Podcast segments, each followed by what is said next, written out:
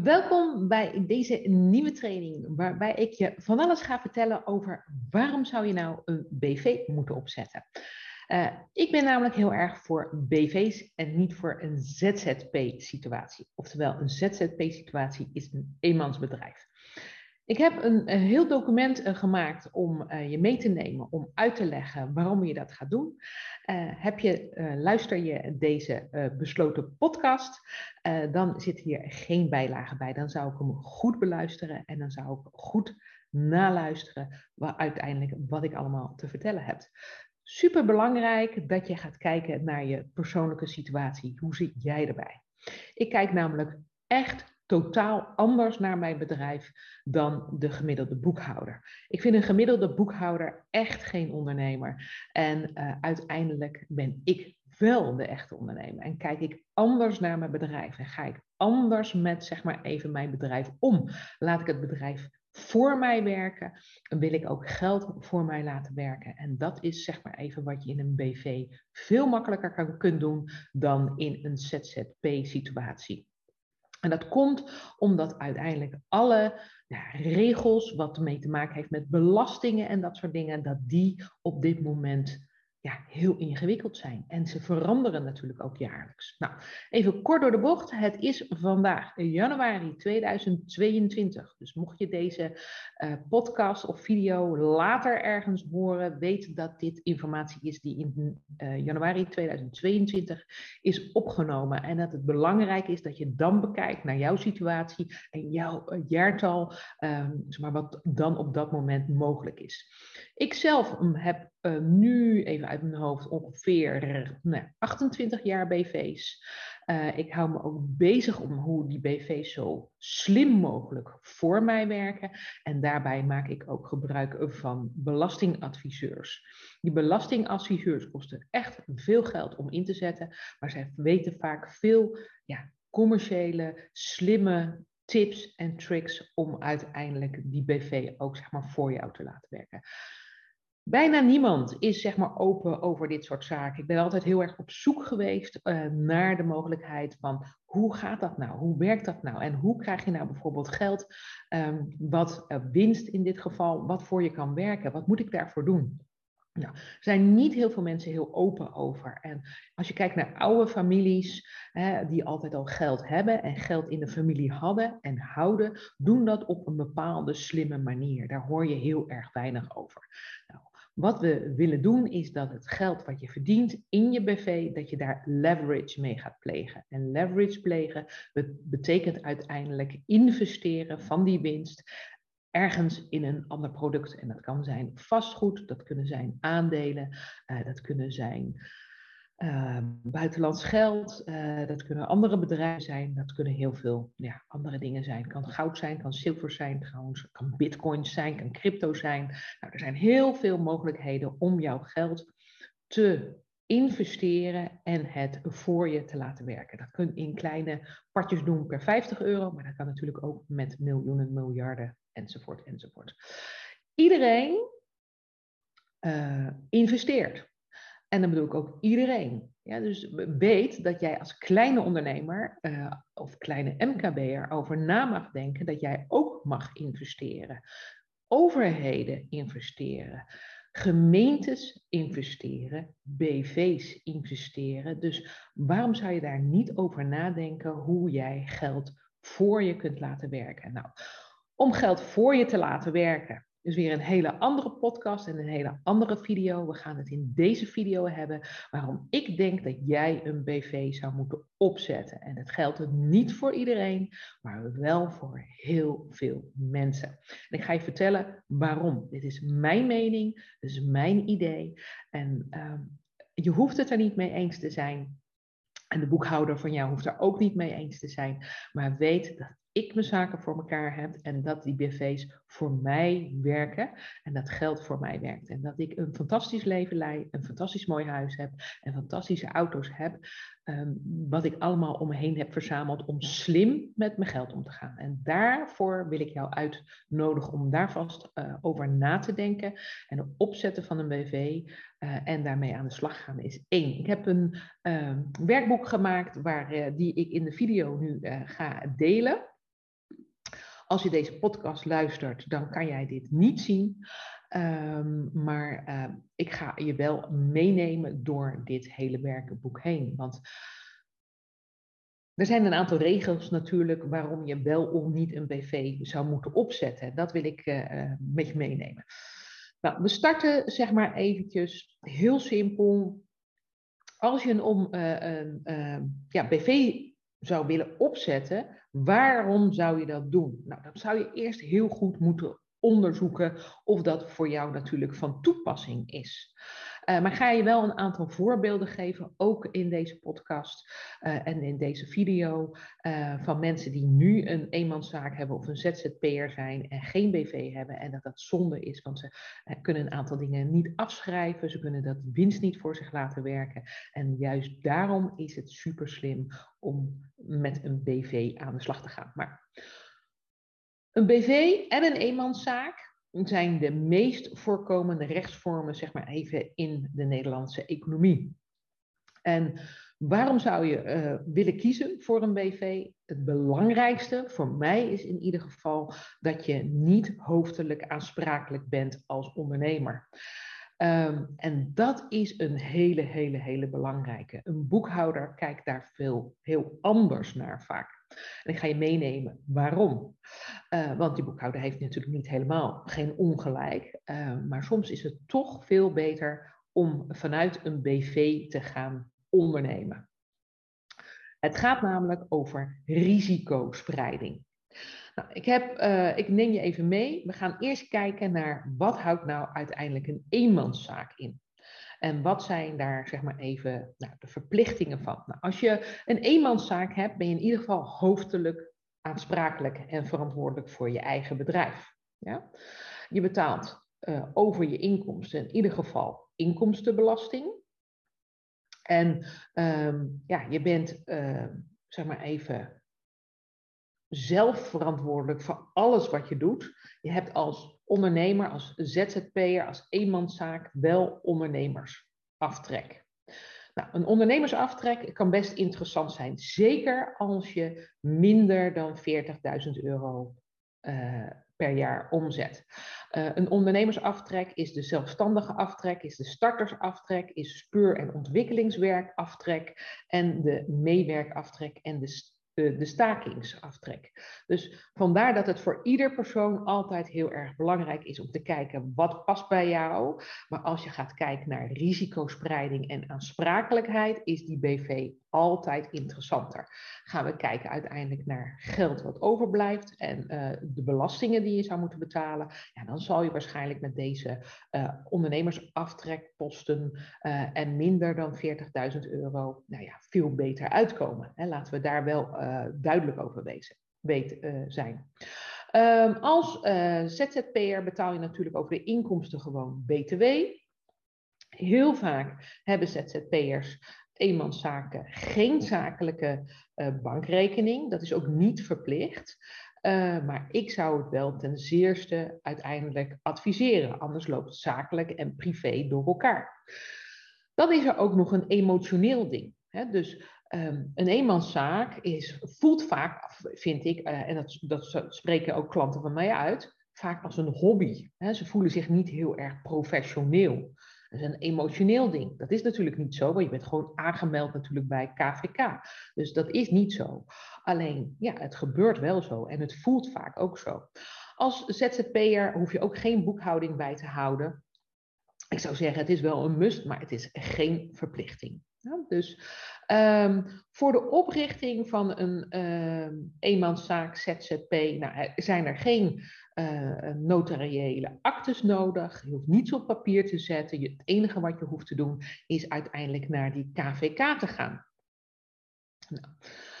Juridisch gezien bestaat er uh, in de eenmanszaak geen onderscheid dus tussen privévermogen en zakelijk vermogen. En ik vind dat juist heel erg jammer. Juist omdat er een aantal belastingvoordelen ook aan zitten. En uiteindelijk kan dat dus mega veel risico met zich meenemen. Ja? Dus als het onverhoopt misgaat met je bedrijf, en dan gaat het dus waarschijnlijk ook mis met jou. En als je dan een koophuis hebt of je inventaris hebt, en je meubelen hebt, dan, ben je een, ja, dan, dan kan je dat kwijtraken. En dat wil je niet. Hè? Je wil geen spullen kwijtraken aan schuldeisers. Dus daarom wil ik heel graag dat mijn zakelijk en mijn privévermogen scheiden. En heb ik dat ook in een BV gestopt en heb ik mijn, mijn huis en mijn BV's. Dus dat, voor mij is die risicospreiding super belangrijk. Ja? Dus heb je een eenmanszaak en ben je getrouwd of ga je getrouwen, dan zou ik je ook adviseren om huwelijkse voorwaarden op te laten stellen. Want als je met huwelijkse voorwaarden bent getrouwd, je bent een eenmanszaak en je hebt een waanzinnig veel inkomsten, dan heeft uiteindelijk de ander daar ook recht op. Dus daar moet je goed over nadenken. Ehm, dus ga je trouwen, ben je getrouwd, kijk dan ook eens naar de huwelijksvoorwaarden. Als we kijken naar eh, wat een BV inhoudt, ofwel een besloten vennootschap, uh, dan is een besloten vennootschap een rechtsvorm. Dat is een rechtspersoonlijkheid. Het kapitaal van de BV is verdeeld onder de aandeelhouders. Je bent dan ook als eigenaar aandeelhouder. Ja, je bent ook degene die uh, mag, besluiten mag nemen in de BV. En er is een bestuur. Er is ook ieder jaar trouwens een bestuursvergadering. Dat is vaak op papier, dat is niet echt, maar er is ook vaak een, echt een bestuursvergadering. En dat bestuur dat zorgt voor de dagelijkse leiding van het bedrijf. Nou, bij kleine BV's is de ondernemer vaak de bestuurder en de enige aandeelhouder, waardoor je natuurlijk ook zelf beslissingen kan nemen. Dus dat is natuurlijk super simpel. Maar er zijn natuurlijk ook hele grote BV's. Wat het grote voordeel is, je bent niet hoofdelijk aansprakelijk en je bent directeur groot aandeelhouder van je bedrijf. Als aandeelhouder sta je gewoon op de loonlijst van je eigen BV en betaal je jezelf een salaris of een management fee. De aandeelhouder mag nog eens gebruik maken van de werkkostenregeling. En dat kan een voordeel zijn. Um, want ja, daar kan je jezelf ook dingen van uitbetalen. Als je wil weten wat de werkkostenregeling is, ga je dat opzoeken. Daar gaan we nu in deze uh, podcast en video niet op in. De BV betaalt natuurlijk ook uh, belasting BTW over de inkomsten, net zoals bij de eenmanszaak. Um, de, uh, je betaalt natuurlijk over het salaris wat je betaalt ook gewoon loonbelasting, maar de BV betaalt ook daarvan los ook nog eens vennootschapbelasting over alleen de winst, jongens. Dus als je geen winst maakt, betaal je ook geen vennootschapbelasting. Ja? Um, belangrijk om dit even in te laten zinken. Ja? Uh, er is verplicht een zakelijke bankrekening. Er loopt er geen zakelijk en privé lopen niet door elkaar. En het voelt ook als echt. Het is een echt bedrijf. Hè? Dus dat ligt ook natuurlijk weer tussen je oren. Het voelt als echt en als professioneel. Maar je gaat vaak ook een andere houding aannemen als je een BV bent.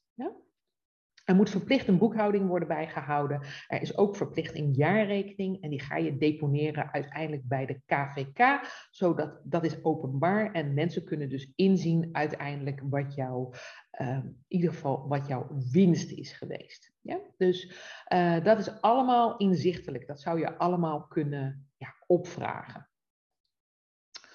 Nou, um, je berekent uh, over de belastbare winst, dan daarover ook de fiscale wetgeving en de fiscale beginselen. En dus uiteindelijk um, uh, is er een winst- en verliesrekening in de BV. Dat heb je eigenlijk natuurlijk wel in een eenmanszaak ook, alleen zo benoem je het niet. Er zijn inkomsten en er zijn uitgaven. En dat is zeg maar uiteindelijk, als we kijken naar omzet, wat komt er binnen? Wat zijn de kosten? Die halen we daarvan af. Uiteindelijk is dat de winst. Of als je natuurlijk geen winst maakt, heet het verlies. En vandaar dat het ook een winst- en verliesrekening heet.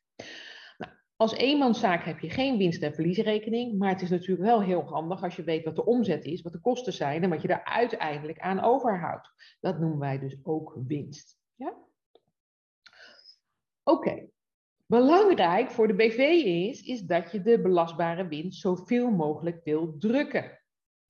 Dus de fiscale winst wijkt meestal af van de commerciële winst van een onderneming. En daar heeft de, belastingadvies, of, ja, de belastingadviseur, die heeft daar een aantal aftrekposten voor. En nou ja, dat ga je met zo'n belastingadviseur verder bespreken. Maar je kan dus de, even de commerciële winst en de fiscale winst, die kunnen dus van elkaar ja, verschillen. En wat we willen is dat de fiscale winst ja, zoveel mogelijk nul wordt. Klinkt natuurlijk heel erg raar, toch?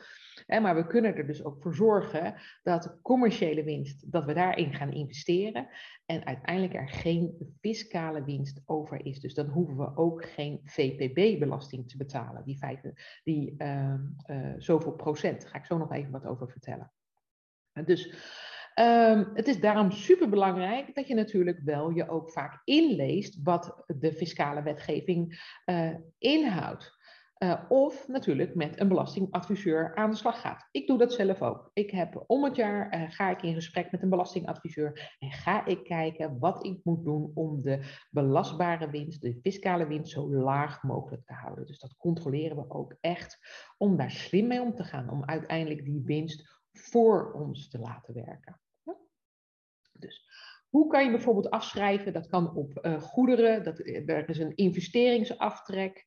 Uh, je kan natuurlijk een pand kopen. Ook met je BV kan je gaan investeren. En dan hoef je daar geen VPB over te betalen. Het hele slimme is, en daarom zijn vaak natuurlijk grote bedrijven een BV, is dat je een verliesverrekening kan doen met de VPB. Nou, ik dacht echt de eerste keer dat ik dit hoorde, dat ik echt gek werd. Um, en ik was er natuurlijk altijd voor om in mijn BV's in de afgelopen jaren altijd winst te draaien. En ik vond het verschrikkelijk als ik een keer verlies draaide. En dat was echt een no-go area. Totdat ik in 2016 uh, zoveel verlies maakte, omdat er 24 grote klanten uh, failliet waren. En wij gewoon ja, een vette, vette verlies, ik denk ergens een ton, 130.000 euro verlies. En toen gebeurde er iets bijzonders, wat ik nog nooit over na had gedacht. Niemand had me daar ook ooit over ge geïnformeerd. Maar um, het interessante is, als je verlies maakt in de BV, dat je dat namelijk, dan is er een carry back of een carry forward. Nou, ik ga daar niet te technisch op in, maar de verliezen die je maakt, die mag je één jaar ter terugberekenen. Dus dat over de omzet van het Vorig jaar mag ik verlies verrekenen en ik mag volgens mij zes of zeven jaar vooruit, carry forward, ook over die jaren mijn verlies verrekenen. En dat betekent dus, kort door de bocht in Nederlandse taal, dat als je omzet maakt um, in bijvoorbeeld, je hebt een um, verlies gemaakt in 2021 van 100.000 euro. En ik denk dat mijn omzet in 2022 misschien wel 75.000 euro wordt. Dat betekent dat ik vanuit 2019 daar mijn verlies mag berekenen. En ik mag dat ook carry forward over 2022 verrekenen. Maar ik heb dan nog steeds een verlies in de boeken staan. En ik mag dat zelfs verrekenen over 2023 en 2024, zes jaar vooruit. Totdat het verlies geheel is afgeschreven. Echt een bizarre regeling. En het maakt dus het soms heel interessant voor bedrijven om verlies te maken. En ik begreep dat zelf ook nooit. Maar als je kijkt, als er um, grote bedrijven in, uh, zeg maar even, een moeilijke economische situatie zitten, dan zie je vaak dat hele grote bedrijven toch hele grote verliezen maken. En ik begreep dat al nooit. En dan uh, hoor je, ja, ze hebben, ik noem maar even wat, KLM maakt 20 miljoen verlies. Uh, of die maakt zoveel miljoen verlies. Ik denk dan, hoe kan je dat overleven? Nou, zij maken dus gebruik van uh, die terugrekening en die forwardrekening, zodat ze die, die verliezen mogen verrekenen over de, dat soort jaren. En ze gaan dan in zo'n verliesjaar extreem veel verlies maken. Dus ze gaan alles in één keer afschrijven. Ze gaan allerlei dingen in dat ene jaar proppen om zoveel mogelijk verlies te maken, om daar in andere jaren, zeg maar boekhoudtechnisch, dan een voordeel over te krijgen. En dat is natuurlijk een manier van ja, een strategie uh, toepassen in je bedrijf om uiteindelijk je verlies en je winst voor je te laten werken. Het is misschien best wel ingewikkeld als ik het nu uit vertel en uitleg.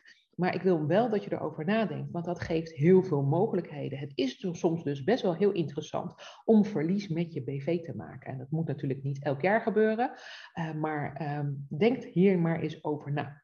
Wil je hier meer natuurlijk over weten, dan ga je naar je eigen uh, belastingadviseur of we gaan eens een keer een één op één gesprek aan. Gaan we hier verder over bomen. Maar het is wel interessant als je hele grote investeringen doet, uh, dat je dus ook grote verliezen kan maken. En als ik naar mijzelf kijk, ik heb naast uh, zeg maar even BV1 ook nog BV2, waar ik ontzettend veel mee investeer. En soms maak ik dus jaren mega verlies door te investeren. En daar heb ik dus andere jaren mega voordeel aan, omdat ik dat verlies dus mag verrekenen met de aankomende jaren. Nou, dat is nou slim omgaan met geld. Slim omgaan met je boekhouding, slim omgaan met je BV. Daarom wil ik ook deze uh, module maken. Waarom zou je een BV op moeten zetten? Nou, dit is een van de slimmigheden. Nou, we kunnen er verder over eh, brainstormen, maar ik ga even nu voor de podcast en de video verder door. Nou, wat zijn de huidige tarieven? Uh, van de vennootschapbelasting, misschien ook wel leuk om voor jou te weten. De tarieven van de vennootschapbelasting in 21, 2021 was 15% over de eerste 245.000 euro winst. Dus let erop, hier zijn alle kosten vanaf, dus ook je salaris en ook je investeringen. Dus ik zorg er dus altijd voor dat ik zoveel mogelijk investeringen maak en dus eigenlijk geen VPB-belasting betaal. De tarieven voor 2022 zijn in het lage tarief 15% en daar ga, uh, dat is verhoogd tot 395.000 euro, jongens. Dus je betaalt over de eerste 15% uh, over je, van je winst over een bedrag van 395 euro. Dat betekent dat kleine BV's profiteren van minder belasting. Grote BV's uh, die moeten over alles wat boven die 395.000 euro ligt 25% betalen in 2021 en uiteindelijk in 2022 betalen zij 25,8%.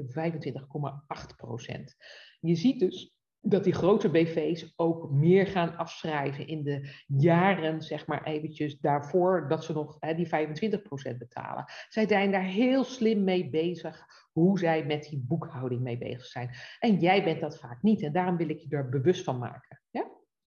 Bijvoorbeeld, maakte je in 2019 nog winst met je BV, maar draaide je door de coronacrisis verlies. Bij de bepaling van winst van de VPB kun je bijvoorbeeld ook de zogenaamde coronareserve inbouwen. Hiermee kun je winstbelasting uitstellen. Ook een belangrijke tip.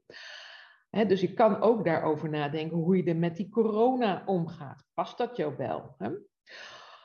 Ook eh, kan je nadenken om verschillende BV's op te zetten en uh, daar een, fiscale eenheid van te maken voor de VPB te verwerken. Ik zelf heb dat niet. Ik weet namelijk heel goed waarom je geen fiscale eenheid zou moeten doen, omdat ik weet dat ik dan voor de verschillende BV's de belasting afdraag. Uh, maar ik kan ook per BV dan ook de VPB-belasting zo laag mogelijk houden. Dus ik ben zelf niet voor een fiscale eenheid. Ja? Um, maar goed, dat kan jouw boekhouder ook voor je verder berekenen.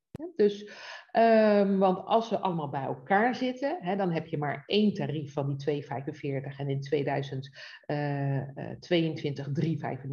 En als je geen fiscale eenheid hebt, dan profiteer je nou natuurlijk per vennootschap, per BV van die hogere grens. Dus ik vind dat super belangrijk dat je daarover nadenkt. En je kan altijd per BV's natuurlijk ook bepaalde facturen over en weer sturen aan het einde van het jaar om te kijken of de ene PV lager in, uh, in winst komt te zitten dan de ander. Dus daar kan je ook met facturen nog gewoon schuiven.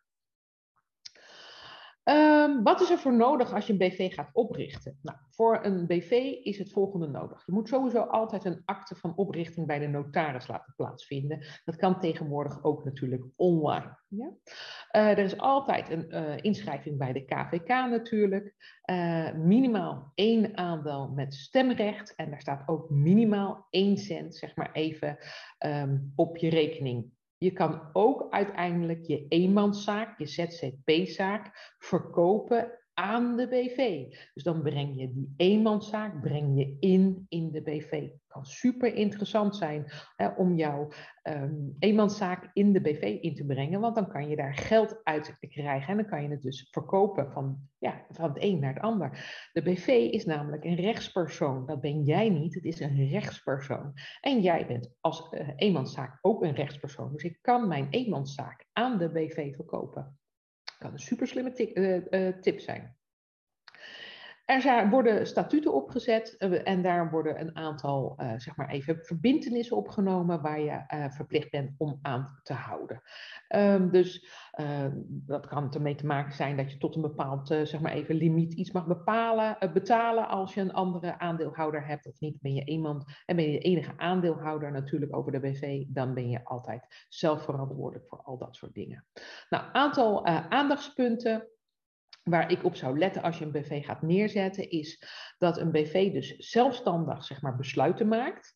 Uh, en ook zelfstandig ook bezittingen kunt he hebben, maar ook zelfstandig schulden kan aangaan en rechten kan krijgen best wel heel erg gek. Hè? Dus dat is een BV, nou ja, het is geen mens, het is een rechtspersoon. En jij als mens bent ook een rechtspersoon, dus als ZZP'er. Nou, een BV moet altijd jaarstukken opstellen en die moeten ze dus bij de Kamer van Koophandel deponeren. Er zijn uh, verplicht statuten. Um, het is um, toegestaan om een eigen geschillenregeling te hebben op de BV.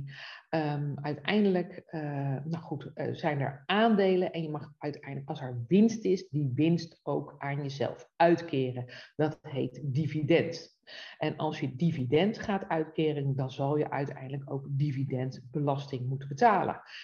Ikzelf probeer dus echt nooit dividend uit te keren. Ik probeer alles wat in de BV zit, ook in de BV te houden.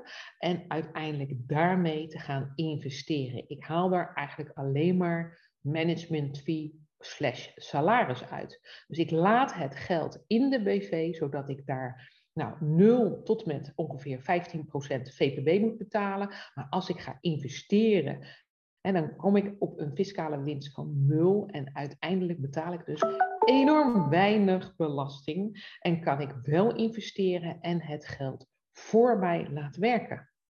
Dus ik wil echt, ik, ik maak deze, deze podcast en video niet voor niks. Ik vind het super belangrijk dat jij begrijpt dat het niet alleen maar risicospreiding is, maar dat je ook heel slim met je geld om kan gaan. Ja? Um, dus dat is eigenlijk waarom ik uh, dit heel graag met je wil delen. Ja? Oké. Waarom kiezen voor de opzet van een BV? Nou, persoonlijk kan je, ben je minder aansprakelijk. Je bent niet hoofdelijk aansprakelijk. Super belangrijk. En daar kan je van, uh, ook van uh, profiteren. Um, je moet, zeggen ze, een aanzienlijke winst hebben, wil je de BV willen opzetten die, ze hebben het vaak uh, op het internet en ook uh, zeg maar, accountants en boekhouders het over 150.000 euro. Ik ben het daar absoluut niet mee eens. En want als ik gebruik wil maken van zeg maar even de winst- en verlies VPB-regeling met de carry forward en de carry backward, ja, dan maak ik geen winst van 150.000 euro. Ja, dus super interessant om daar eens over na te denken. Dus, um, dus ga kijken. Ik denk dat het interessant voor jou al is als je 30 tot 40.000 euro omzet doet. Um, en dat je dan al gaat kijken. Nee, sorry, ik moet zeggen, als je ongeveer 60 tot 75.000 euro omzet doet, dan is het interessant, zeg maar even voor jou, om een BV op te zetten. Zet jij rond die 30 of 40.000 euro op, ik denk dat je dan beter een eenmanszaak kan blijven. Maar ik had van de week een klant en die had bijvoorbeeld uh, hele grote investeringen gedaan in hele grote apparaten. Ehm, zij is een eenmanszaak, kan dat verder niet afschrijven. En uiteindelijk is dat geld dus down the drain en weg. er is ook geen inventaris dadelijk uh, over, wat ze dan weer, nou, ze heeft het geld uitgegeven en daar is dus geen carry forward en geen carry backwards. Super zonde vind ik dat. En dus vooral ook als jij uh, voorraden hebt, super interessant om te gaan kijken, moet je niet een BV worden? Als je een webshop hebt, super interessant, moet je niet een BV worden? Want dan heb je met voorraad te maken en ben je hoofdelijk aansprakelijk. Ja? Als je een BV hebt, dan zou je jezelf gebruikelijk loon moeten uitkeren. En daar staat een minimale voor. Dat is ongeveer 40.000 euro per jaar. En daar betaal je natuurlijk inkomstenbelasting over. Sommige mensen kunnen daar helemaal niet aan voldoen. En weet ook dat je daar dan hè, met de Belastingdienst over kan bakkeleien om dat uit te stellen of naar beneden, zeg maar even, te downsizen.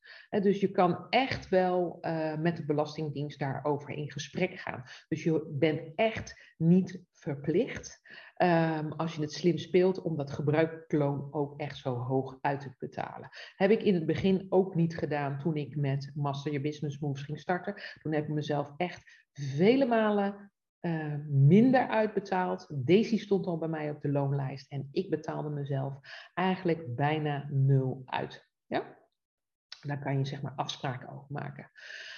Belangrijk is of het interessant is of niet interessant is om natuurlijk uh, in overleg te gaan met een boekhouder of met een accountant. Hè. Er zijn verschillende redenen waarom ik vind waarom je een BV zou moeten worden. En zeker als jij investeert in panden of in vakantiehuisjes. En dat staat nu allemaal in je box 3 dat gaat echt veranderen dadelijk ook in uh, eh, 2023 en zal je daar veel meer belasting over moeten betalen. Denk dus na, moet dat niet dadelijk in een BV? Moet je niet via een BV dit soort dingen gaan aankopen, zodat je natuurlijk veel meer uh, ja, dingen kunt regelen, structureren met die winst en die verliesrekening. Oké, Um, je kan met de BV enorm veel investeren. Je kan natuurlijk een bedrijfspand kopen, uh, je kan in andere bedrijven investeren. Dat kan je dus allemaal weer afhalen van die winst, zodat je uiteindelijk ook weer niks aan VPB hoeft te betalen. Um, en um, je kan die vastgoedinvesteringen bijvoorbeeld, nou, die kunnen gewoon op de balans staan, maar je kan daar ook weer zaken van afschrijven. Je kan een agio-lening aangaan. Uh, en die agio-lening kan er ook voor zorgen dat jij weer geen belasting moet betalen. Het zijn allemaal echt high-end uh, belastingadviezen moet je niet bij mij wezen. Ik vertel je alleen dat het allemaal mogelijk is. Ik had er zelf namelijk nog nooit van gehoord. En door een goede belastingadviseur te nemen, ging er een wereld voor me open. Maar als ik het je niet ga vertellen wat de mogelijkheden zijn, ja, wie gaat het je dan wel vertellen? Want je hebt geen idee. En vandaar dat het voor mij belangrijk is om open te zijn om eventueel een BV op te zetten. Uh, risicospreiding wil je natuurlijk ook doen als je bijvoorbeeld uh, personeel gaat aannemen. Ja, dus super belangrijk dat je dat gaat doen. Um, verder kan je natuurlijk heel goed investeren um, met het geld in de BV. Ehm, maar je kan bijvoorbeeld ook ja, zeg maar eventjes bedenken dat jij geld aan de BV gaat lenen. Super interessant om daarover na te denken, zodat de BV jou weer ook bijvoorbeeld rente moet gaan betalen. Um, en uh, daar moet je maar eens over nadenken. Wat dat kan ook een soort van verdienmodel zijn. Er zijn natuurlijk allerlei regels voor. Uh, en dat moet je natuurlijk ook vastleggen uh, bij de notaris. Um, en dat moet allemaal legaal gaan. Hè. Dat moet je ook zeker allemaal netjes regelen. Maar wees je wel be bewust dat, ja, um, dat lenen van jezelf aan de BV super uh, slim kan zijn als je natuurlijk op jouw privérekening een bepaald vermogen hebt staan. We moeten daar op dit moment, als je een ton of meer op je rekening hebt staan, uh, moet je daar uh, over betalen aan, de, aan de bank. en als jij toch wil investeren met jouw BV, dan kan je natuurlijk een lening verstrekken aan de BV en de, um, ja, een investering doen met je BV. Daar zou ik ook over nadenken hoe dat voor jou in elkaar zit. Heb je meer dan een ton op, dus op je rekeningen staan? Hoe kun je daarmee schuiven? Hoe kun je die investeringen voor je gaan laten werken, zodat jij er plezier van hebt, dat je winst ook echt ja, naar jou toe wordt uitgekeerd en dat het voor jou werkt. Ik zeg altijd zelf dat ik een Pepetrium Mobile BV bouwt. En dat betekent dus dat ik het geld in de BV hou en dat het geld voor mij werkt. Als, hè, als een soort meta, uh, zeg maar even, dat het blijft lopen. En dat betekent dus dat je slim moet nadenken over um, ja, hoe je je geld inzet, um, hoe je geld bij je blijft, dat het geld groeit, maar dat het ook voor jou werkt. Nou, het is natuurlijk, we kunnen hier nog veel meer over vertellen. Het is echt best wel een ingewikkeld onderdeel, maar ik wil je alvast kennis laten maken waarom jij een BV zou moeten opzetten. Met mijn klanten, waar ik natuurlijk uh, één op één mee aan het werk ben, daar heb ik altijd dit soort gesprekken en gaan we altijd kijken wat zij met hun winst kunnen doen en hoe zij met die winst om moeten gaan om het voor hun te laten werken. Um, ja, ben jij op dit moment in dit stadium dat je denkt, uh, ik zou ook wel mijn omzet, mijn winst voor me willen laten werken en ik wil één op één met Francina, dan kan je natuurlijk altijd uh, contact met me opnemen via francina.masteryourbusinessmoves.nl of je stuurt me uh, een uh, appje als je mijn telefoonnummer hebt. Ik hoop dat je inzicht hebt gekregen waarom het heel interessant is om die BV op te zetten. Wat voor voordelen het kan geven. Maar wees je bewust, ga dat pas doen als je 60 tot 75.000 euro omzet. Voor mij hoef je niet tot die 150.000 uh, uh, te hebben. Uh, en dan pas is het interessant. Nee, gaat al ver voor die tijd al nadenken of het niet verstandig is om een BV op te zetten en wat dat dan voor jou zou kunnen betekenen. Ik hoop dat ik jou geïnspireerd heb, geïnformeerd heb en dat je, ik je tot denken heb aangezet. En dat het uh, super tof is dat er nog zoveel mogelijkheden zijn om geld voor je te laten werken. Ik dank je voor het luisteren. Ik dank je voor het kijken. En tot de volgende keer.